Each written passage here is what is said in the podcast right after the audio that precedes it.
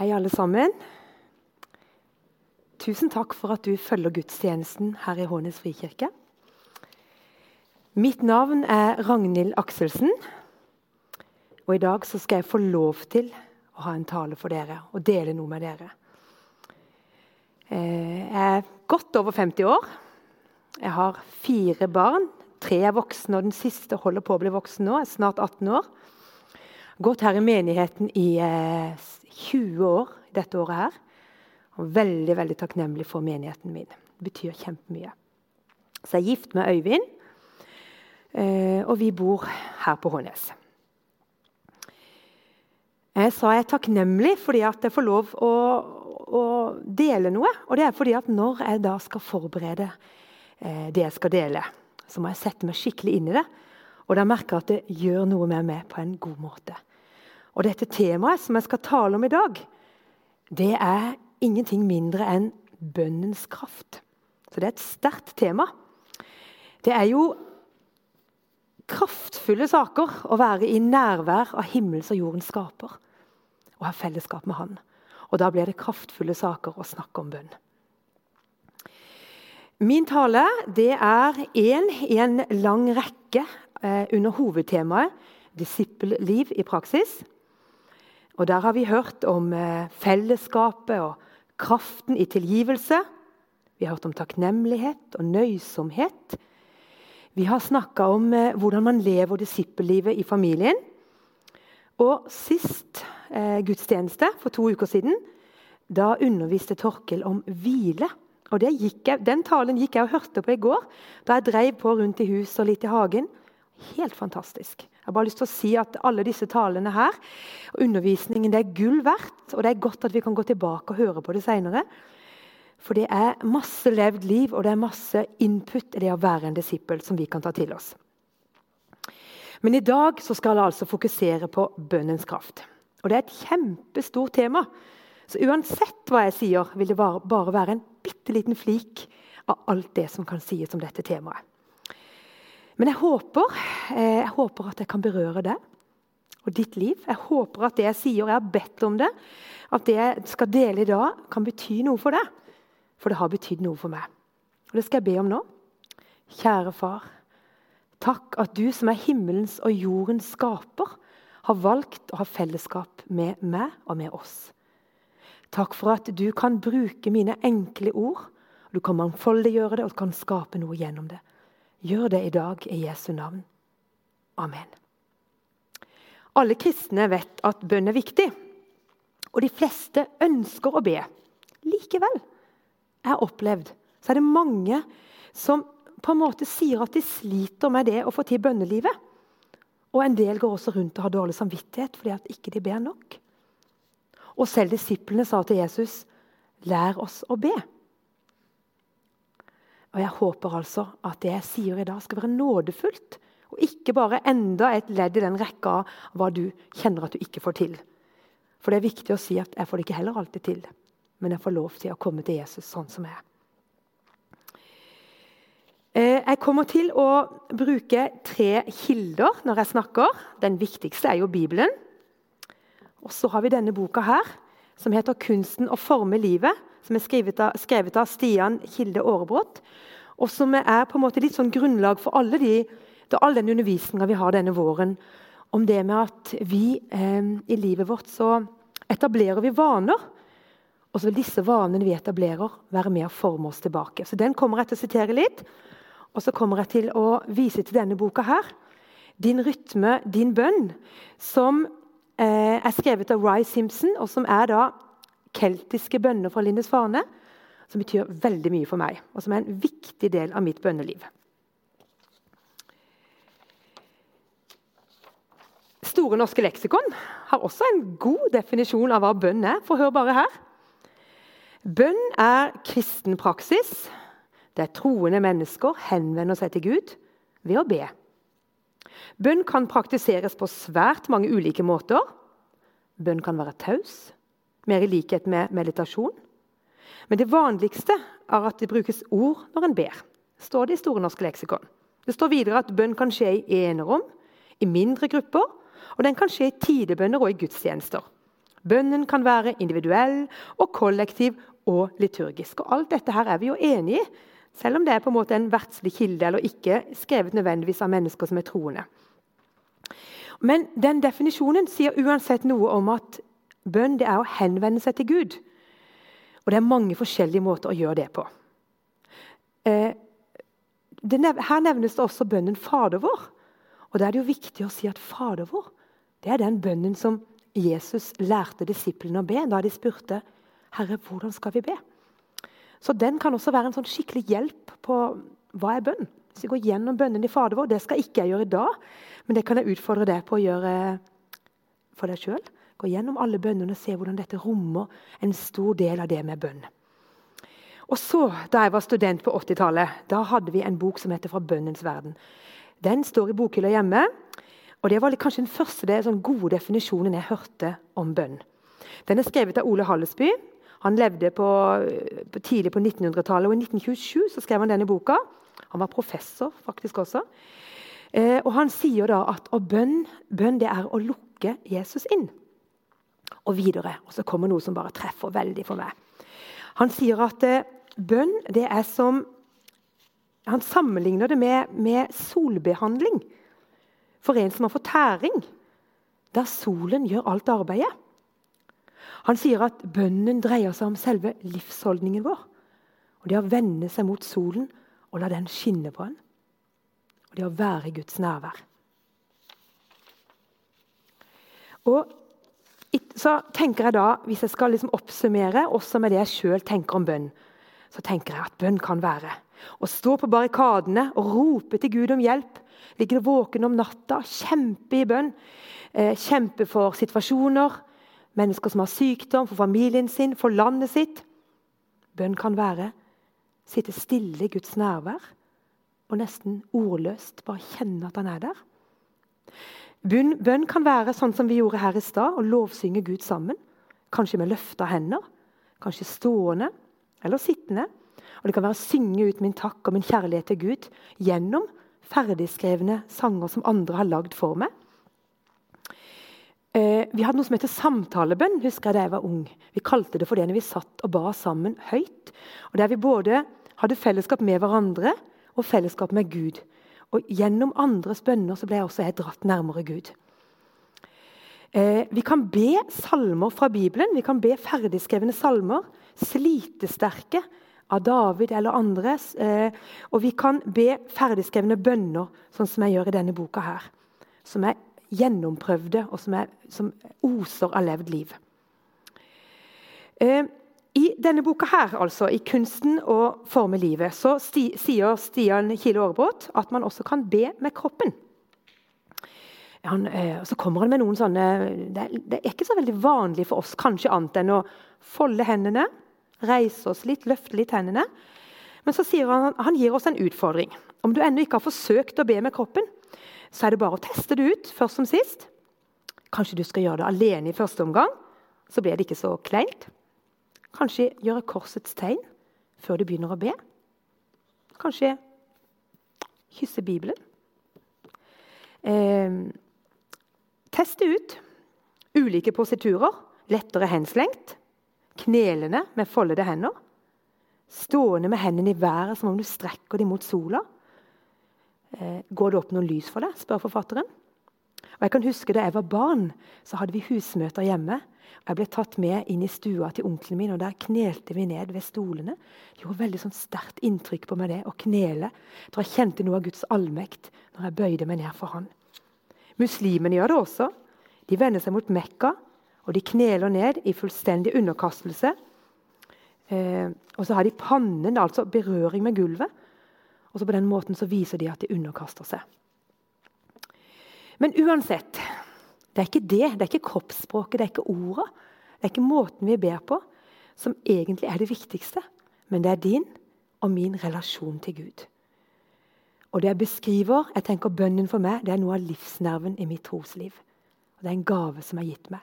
Og så kan alle disse tinga rundt være en hjelp for å fokusere og hjelpe bønnelivet. For det er jo sånn at hvis du tenker at du har en skikkelig god venn, så vil du jo være sammen med den vennen hvis Gud er den vennen. Du vil søke råd hos den vennen. Du ville dele din kjærlighet med den vennen. Du ville le sammen med. Du vil bare være sammen med den vennen. Og hvis du da tenker på at den vennen er Gud Den vennen er han som har skapt deg og forma deg helt fra begynnelsen av. Den vennen er den som også har skapt hele universet og himmel og jord, som var fra begynnelsen og vil være alltid. Han vil være sammen med deg. Det er bønn, og det er stort. Men så er det også viktig for meg å presisere at bønn er en gave. Det er ikke en må, men det er en gave. Det er ikke en plikt. Det er ikke noe du må få til på riktig måte eller følge visse regler for å lykkes som kristen. Hvor du, hvordan du ber, hvor ofte du ber, det er ikke knytta til lover og regler for oss kristne. Da hadde det blitt lov og ikke evangelium. Og da er det selvmotsigende kanskje å si at noen er flinke til å be. Kanskje det er det. Men å benytte seg av den gaven, det er viktig for oss som kristne. For så tenker jeg samtidig som jeg ikke skal be på samme måte som andre, så kan jeg la meg inspirere andre. Jeg kan lære andre. Jeg kan lære av mennesker som har gått foran meg, og som har levd livet lenge, og som har levd i bønn. Eh, så jeg håper det også at det jeg skal si videre når jeg skal dele mine erfaringer med bønn, at det kan være en inspirasjon til deg, og ikke at du tenker at jeg må gjøre det sånn. Alt skal være nådefullt, for bønn er også nåde. Og Øyvind han, eh, han, hadde tre taler Øyvind Augland, før denne eh, rekka vi har om disippelliv i praksis, der han snakka om, eh, eh om nåde, om kraft og om sannhet. Og sitat Når vi skjønner at alt er av nåde, så kan vi leve godt med våre svakheter uten å bli mismodige. Og vi kan leve godt med våre styrker uten å bli hovmodige. Og det gjelder også bønn. Det må være et sånn grunnlag for dette. Og disippelliv, tenker jeg. Og også, jeg tror også dette ble sagt av en av de som tal, har talt før. Det handler ikke først og fremst om å ta seg selv i nakken og ta seg sammen. Det handler om å slippe Guds kraft til, bønnens kraft, og gi Jesus plass i livet vårt. Og dette skjer gjennom tieordet, fellesskap med andre og gjennom bønn. Og det er et valg som vi kan ta. At vi åpner opp for det. Men igjen vi skal ikke drives av dårlig samvittighet, men vi skal be om å få ha kjærlighet til Jesus. At det skal drive oss. I denne boka her, så står det en del om det med vaner. og det, Jeg, jeg synes denne boka er veldig fascinerende. Jeg kan virkelig anbefale å lese. Eh, og Det står om at eh, vanene Vi etablerer vaner. Og de vanene vil igjen forme oss. De vanene jeg velger å ha i livet mitt, de vil forme meg tilbake. Hjernen vår er faktisk veldig formbar. Plastisk teologi har han kalt denne. her. Så Hjernen vår er også plastisk. Den er formbar. Det er veldig inn i tiden, det med hjerneforskning. Eh, og Vanene våre de er med på å forme hjernen. Vanene er noe vi har gjort så mange ganger at det etter hvert går på autopilot. Og Da har det blitt forma. Da er det akkurat som det har blitt satt spor inn i vår hjerne, måten jeg handler på. Og Hver gang du gjør denne vanen, så forsterker du effekten av det. Og det blir enda lettere å gjenta det neste gang. Og Derfor er det litt viktig med de vanene vi legger. Stian Kjell Aarebrot ønsker gjennom dette å bygge bro mellom eldre kristne tradisjoner, som var ganske gode på praksis, og rytmer i livet, og vår moderne kristne protestantisme nå siterer jeg litt fra boka her, som er litt mer ribbet for dette.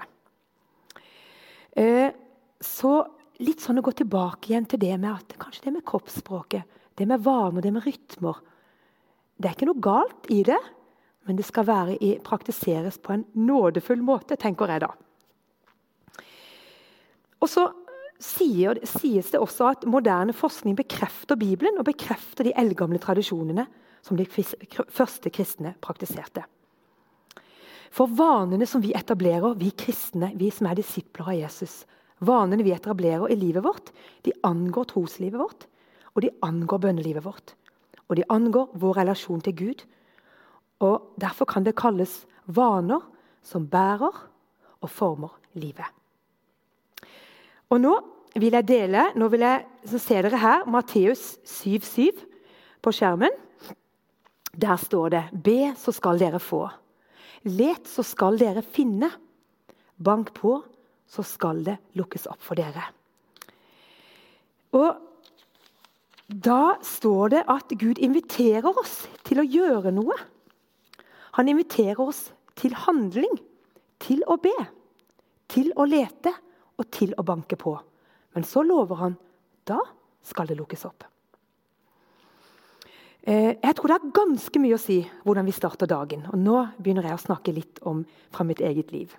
Og dele erfaringer fra det jeg har erfart, og de vanene jeg etter hvert har etablert meg, og som virker godt for meg. Aller først litt teori om det. Jeg tror at det er ganske mye å si hvordan vi starter dagen. Innstillingen vi har, og hva vi velger å ta inn og fylle sinnet vårt med, er viktig. Hvordan vi ser på den dagen som ligger foran oss, på problemene som er der, på utfordringene vi står i, og på gledene vi har i livet. Eh, og da er det sånn for meg at det har blitt en vane for meg. Jeg sier på en måte Det har blitt et spor i hjernen. Idet jeg våkner Jeg, våkner, jeg er A-menneske, det behøver ikke du å være. Jeg våkner veldig tidlig, og idet jeg våkner, før jeg slår opp øynene, så kommer det kanskje først én tanke, og så slår jeg rett over på å snakke med Jesus. Alltid nå. Ikke fordi jeg er flink, men fordi jeg har fått hjelp til å etablere en vane. Og så er den vanen blitt noe som har forma meg tilbake. Så hver dag så begynner jeg å dele med Jesus det som er i tankene mine. Kanskje det var noe jeg var bekymra for som skjedde i går. Kanskje noe jeg var litt sånn flau over, til og med, som jeg kjenner at, ah, litt skam for. Kanskje noe som angår barna mine, eller jobben min, eller vennene mine. Så begynner jeg å snakke med Jesus. Jeg begynner å fortelle han og si men Gud, du har kontroll. Du er større enn problemene mine. Jeg gir dette til deg i dag, og jeg ber om at du skal komme inn i den situasjonen. Og så skal du ta taket. Så skal du ta over, Gud. Jeg gir mine bekymringer til deg, og jeg gir min glede til deg. Og mens dette skjer, så åpner jeg øynene underveis mens jeg snakker med Gud, og så begynner jeg å bli våken. Dette gjør jeg alltid. Alltid. Og Jeg er så utrolig takknemlig for at det var en person som for et par år siden satte meg på det sporet med å si akkurat det at For før begynte jeg gjerne å lese på skjermen. Leste nyhetene, løste verdensproblemer eller ting som hadde med jobben å gjøre. Jeg fikk det tipset om vent litt med det. Spør Gud først. Husk på Gud først. Og så gjorde jeg det. Og så er jeg så utrolig glad for det, for jeg merker hvordan det har forma meg tilbake igjen. den vanen jeg da har begynt med. Det neste jeg gjør hver dag i arbeidsuka, det er at jeg snakker høyt med Gud i bilen. Da kan jeg le litt og gråte litt, for det er jo sammen med vennen min. Og vi har en samtale sammen. Eller jeg prater i hvert fall, og så opplever jeg at han snakker litt tilbake over noen ganger. Eh, og i bilen da har jeg på en måte en, jeg har en fast rytme som jeg ber. For jeg ber alltid for alle fadderbarna mine. Jeg har fem fadderbarn rundt i Norge som jeg ber for.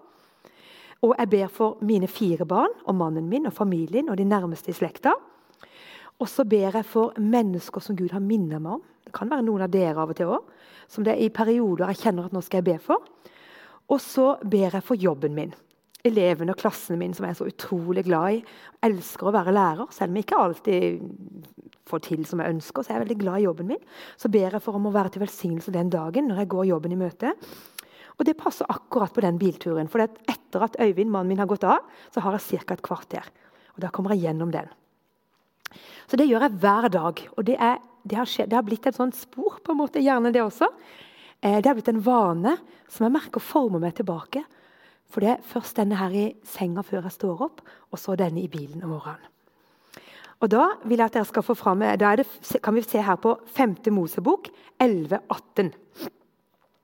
For da går jeg dagen i møte. Og så er det ikke alltid da at eh, Jo, jeg leser altså Bibelen. Det kan Jeg si, jeg leser Bibelen sammen med elevene mine, for jeg jobber på Oasen, som er en kristen skole. Så da får jeg litt bibellesing. Men det er ikke alltid jeg får lest veldig mye mer i Bibelen før det. Men det jeg gjør, er at det, det Gud har gitt meg den morgenen, eh, eller kanskje det lille verset jeg har rukket å lese, eller de tankene jeg har eh, Så disse mine ord skal dere bære i hjerte og sinn. Bind dem om hånden som et tegn, og ha dem på pannen som et merke. Det er eh, Jødene de gjør dette helt konkret. De skal binde dem om hånden som et tegn, og de skal ha dem på pannen. De tar det bokstavelig. Og litt sånn tenker jeg i løpet av dagen når jeg går. Så snakker jeg med Gud. Så Jesus kan jeg høre meg sjøl si Jesus, Jesus. Hvisker jeg litt, og så snakker jeg med Gud. og Så deler jeg utfordringer, og så ber jeg kort for en situasjon jeg står i. Nesten mellom to setninger. Jeg er en veldig sånn kjapp person. Jeg kan noen ganger rekke å be en bønn mellom to setninger. Eh, og så bærer jeg dette på en måte på kroppen min hele dagen, at Gud er nær. Eh, og så takker jeg Gud for at han er sammen med meg. Og så står jeg, sitter på et møte, kanskje det er mange instanser jeg skal forholde meg til. Så kan jeg følge meg rådvill. Bønnen kan være så kort at det bare er kjapp opp til Gud, og så skjønner Gud, og så er han der. Så på den måten så har jeg det med meg i hverdagen. Så eh, vil jeg fortelle om hva jeg gjør i helgene. For utenom dette så får jeg til litt bibellesning på kvelden, kanskje. Kanskje jeg ber litt på kvelden òg, men dette, den rytmen som jeg alltid har, det er i seng om morgenen og i bilen. Men i helgene da har jeg litt mer tid. Og da skal jeg fortelle hva jeg gjør da. Og det er også blitt en fantastisk vane som jeg er så takknemlig for. Og det er at jeg står opp fordi jeg er A-menneske da, så står jeg opp veldig tidlig. Og så, eh, hvis det er sol, så går jeg alltid ut og setter meg på verandaen eller i hagen. Hvis det er vinter og kaldt og mørkt, så sitter jeg inne. Dette gjør jeg på lørdag og på søndag. Eh, da kan du sette på den bønnen som er for lørdagen. Denne bønnen her, den er for lørdagen i boka din 'Rytme din bønn'. Og Det har blitt min hjertebønn til Gud. Og Nå skal jeg først eh, lese den for dere. Livgivende Gud, du lar verden åpne seg for deg.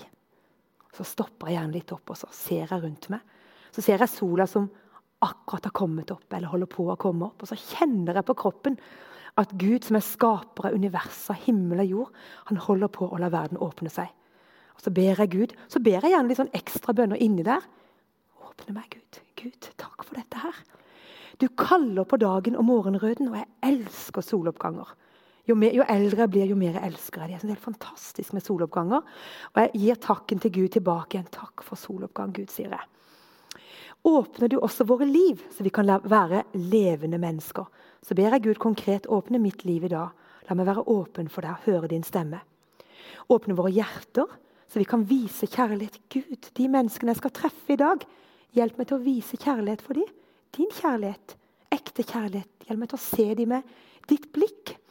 Åpne våre munner, så vi kan prise deg, Gud. Hjelp meg til å si ord som er med på å prise deg. Og I tillegg til det så ber jeg Gud åpne mine hender. Jeg har en uh, stor utfordring med hendene. Med en, uh, en diagnose som, som, går på det. så Derfor så ber jeg spesielt Gud. Så gir jeg hendene til Gud hver dag. Så sier jeg OK, jeg har litt vondt, men Gud, disse hendene kan du bruke. Gud, jeg ber om at du Så ber jeg om leg disse hendene, sier jeg til Gud. Og så, eh, og så, ber jeg om at Gud skal åpne mine øyne, så jeg har blikk til å se rundt meg. Så jeg ser de menneskene som trenger meg, og så jeg ser bak fasadene. Så jeg ser hjertene. Eh, og så fikk jeg en sang tilsendt på melding for noen uker siden. I Pray Jesus. Fantastisk bønnesang. Og den spiller jeg gjerne om morgenen. Uh, for my family, for my friends. I pray healing for my neighbors. Og så ber jeg for nabolaget der jeg sitter og ser. Når jeg sitter på verandaen, så kan jeg se husene til naboene rundt. Så ber jeg beskyttelse og fred inn i hjemmet. Så bruker jeg igjen denne bønnesangen også. Og så sier jeg, Gud, lær meg å be. Gud, vis meg ditt hjerte. Vis meg dine tanker, Gud. Herre, Gud, hvordan skal jeg be for akkurat det mennesket? For fadderbarnet mitt eller for, det, for den eleven min eller akkurat den situasjonen. Gi meg nøkler, Gud. Gi meg tro når jeg ber. Og det er fantastisk, for Noen ganger så, så bare ber jeg uten å kjenne, men noen ganger så kommer det en sånn stikk på en måte. Jeg kjenner akkurat som Gud gir en sånn. Og så tenker jeg her er det en nøkkel. Dette var noe. Og da begynner jeg å be dette. Jeg fikk en gang en bønn om at jeg skulle be om et skjold og vern over en person. Og Jeg bekrefta litt etterpå at akkurat det samme hadde den personen spurt om sjøl. Og etter det så ber jeg alltid om skjold og vern for den personen. For jeg vet at det var noe som var på Guds hjerte. Jeg fikk bekrefta det. Eh, og så ber jeg løfter som Gud har gitt meg tidligere for mennesker. Og så ber jeg Guds ord over situasjoner. Jeg ber bibelvers. Jeg ber løfter Gud har gitt. Og så opplever jeg at, eh, eh at Gud gir meg en trygghet, for han har kontroll. Og jeg ber for barna mine selvfølgelig hver dag. Og det, jo sånn, det er jo det å være foreldre. Så kan man ofte kjenne på mye bekymring. Men jeg kan jo stole på at Gud har jo skapt barna mine. Han elsker de jo høyere enn jeg gjør. Han har jo tanker for dem og planer for dem. Eh, og så Velsignelse har blitt et veldig viktig ord for meg. For velsignelse det er noe utover en sjøl. Så jeg ber, sånn som i dag har jeg bedt om at disse enkle ordene mine skal bli noe utover dette her. Og jeg ber også om at de menneskene jeg ber for, skal være til velsignelse. Av og til så står noen i en kjempekrevende situasjon, men likevel kan de være til velsignelse. Jeg ber for barna mine. Hvis de har hatt krevende situasjoner, så ber jeg likevel om at gjennom det skal det være til velsignelse. Og Jeg tenker på, uh, og jeg har en bønn med elevene mine. Vi får jo lov å be på Oasen skole. Så avslutter vi. Velsign oss Gud Fader, velsign oss Guds Sønn, velsign oss Gud den hellige ånd, og la oss være til velsignelse. Ingen går før vi har gjort det. Og så ble det litt sånn, for De vet at da skal de gå, så de roper 'la oss være til velsignelse', og så løper de. Men så stopper vi opp av og til og snakker litt om det, hva det betyr. Så tar vi dette inn av og til. Eh, da kan vi ta fram neste bibelvers. Og Det er jo dette med bekymring. da, og det har jo vært, har vært veldig bekymra person opp igjennom. Eh, men det står i Filipperne 4, 6-7.: Vær ikke bekymret for noe, men legg alt dere har på hjertet, framfor Gud. Be og kall på ham med takk. Så dere som er foreldre, da, gjør dette for barna deres. For de menneskene du møter som du kjenner at det kan bli for tungt å bære, så står det at du skal legge det eh, framfor Gud. Og så skal vi også takke for at Gud har kontroll. Og Guds fred, som overgår all forstand, skal bevare deres hjerter og tanker i Kristus Jesus. Og dette er stort. Og jeg tror kanskje det er noe av det dypeste behovet jeg har som menneske. Det er Guds fred. For jeg kjenner på mye uro i mitt eget liv. Og jeg kjenner på mye uro rundt meg. Og jeg kjenner at mange mennesker rundt meg bærer på uro. Og Jesus han tilbyr det helt motsatte. Han tilbyr fred. At Guds fred skal få fylle meg bedre fra innerst til ytterst. At Guds fred skal få fylle tankegangen min og hele min måte å se på livet på. Hele min livsanskuelse. At jeg skal bære med meg en bevissthet om at han uansett er der i alle situasjoner. Og at han elsker meg mer enn noen andre. Det står en sånn bønn i denne boken. Gud, du som stiller alle stormer, still all uro inni oss. Det trenger jeg ofte å be om. For uro er en av de tingene som jeg kan kjenne mye på. Og Da har Gud fred å gi. Og det sier seg selv at jeg, med alle mine begrensede evner til å kunne se løsninger og tenke klart vi, Når jeg møter min herre og mester, så vil jeg møte ut fra mitt ståsted. Noen ganger hjelpeløs, noen ganger urolig, Eh, men det som er, det er at Gud han rommer også det. Han rommer også rare formuleringer i bønner. Han rommer bønner der jeg ber om noe som han vet at ikke er på hans hjerte. Han rommer alt, for han har skapt meg, og han elsker meg, og han kjenner min, og han kjenner din personlighet. Og nettopp der kommer han oss i møte. Og Vi trenger å invitere Gud inn i vår enkelthet, så vi kan påvirke hans karakter og bli mer lik han og da er det kraft. Da er det voldsom kraft. Gud bruker svakheten min til å styrke meg. Han gjør meg ydmyk. Jeg kjenner meg veldig ydmyk, for jeg kjenner meg så svak mange ganger. Jeg kjenner meg så hjelpeløs. Men når jeg er svak, så er jeg sterk. Og bønnen er min livspust. Der jeg, kjenner, der jeg henter styrke. Jo mer hjelpeløs jeg føler meg, jo mer avhengig er jeg av Gud. Og de som lever tett på meg, vet godt om mine svakheter. Også dere som ikke bor så tett på meg, kanskje, vet om det men jeg er sterk i Gud. Og noen ganger så tenker jeg, hvis, vi står helt, hvis du kjenner at du står helt stille og vet ikke hva du skal be om, så vil jeg anbefale det med å hvile i ferdigskrevne bønner eller bruke Fader vår. Det kan være en god hjelp. Og så kan det også være det å fortelle, bare fortelle Gud hvem han er for deg. F.eks. lese lovprisningen til han i salmene gjennom å synge lovprisningssanger til gode venner, som jeg nevnte tidligere, så forteller vi hvor glad vi er i dem. Hvis vi gjør det til Gud, så skapes det også noe. Og det har jeg opplevd at det styrker troen. Og Da skal jeg til slutt få fram her på skjermen nå, eller den siste på skjermen, det er en eh, takkebønn som står i bønneboka mi. Om våre munner var så fulle av sang som havet, og våre tunger hadde gledesrop som bølgenes brus, og våre lepper hadde lovsang som fylte hele himmelen, kunne vi likevel ikke takke deg nok, Herre, for det gode du har gjort mot oss og for våre forfedre. Og når jeg ber disse bønnene som er skrevet og som er slitesterke og gamle og brukte, så merker jeg hvordan det kan hjelpe meg i mitt bønneliv. Kulturen rundt oss den kan være med på å dra oss bort fra det disippellivet vi ønsker å leve. Kulturen eh, er ikke bare eh, er ikke så kristen som den en gang var. Så vi må etablere en motkultur i fellesskap med dette. Og de valgene vi tar, de små valgene i, hverdagen, de kan være med på å etablere den motkulturen. Forskning sier at skal du slutte med noe, skal du slutte med en dårlig vane, så er det bedre å begynne med noe nytt for deg med å begynne med en god vane. Så kanskje det gjelder bønn. Eh, og vanene vi skaper, de er igjen med på å skape og forme oss. Churchill han sa at han skulle bygge igjen opp London. Eh, at, eh, så sa han at man må tenke nøye på hvordan vi former arkitekturen og landskapet. For først former vi arkitekturen, arkitekturen, og så former den oss. Og jeg tenker Det samme gjelder vanene våre. Vi kan jobbe med dette her. Ikke begynne å tenke stort, men begynne litt etter litt. Og så kan det bety stor forskjell allikevel. Og De dårlige vanene våre er akkurat like effektive på å forme hjernen vår. Og Da er det viktig å la hjernen spille på lag med oss, og la de gode vanene få være med og forme. Og det er retningen som er viktig, og ikke engangshandlinger. Og når historien om mitt liv skrives For den skrives hele tiden. Den skrives hver dag.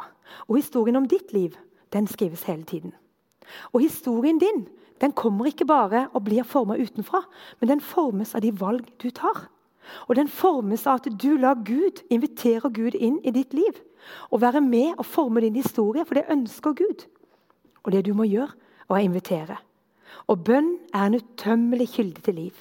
Til gjenopprettelse, til nytt håp og til ny glede. Og tro på at det betyr noe, og at du kan gjøre noe. Og Da skal jeg avslutte med en utfordring som er delt i tre punkter til deg. Eh, og hva du helt konkret, når jeg nå går ned fra talerstolen og avslutter min tale, så har jeg lyst til å utfordre deg på dette. Hva kan du konkret gjøre for ditt bønneliv? 1. Finn et tidspunkt som passer for deg.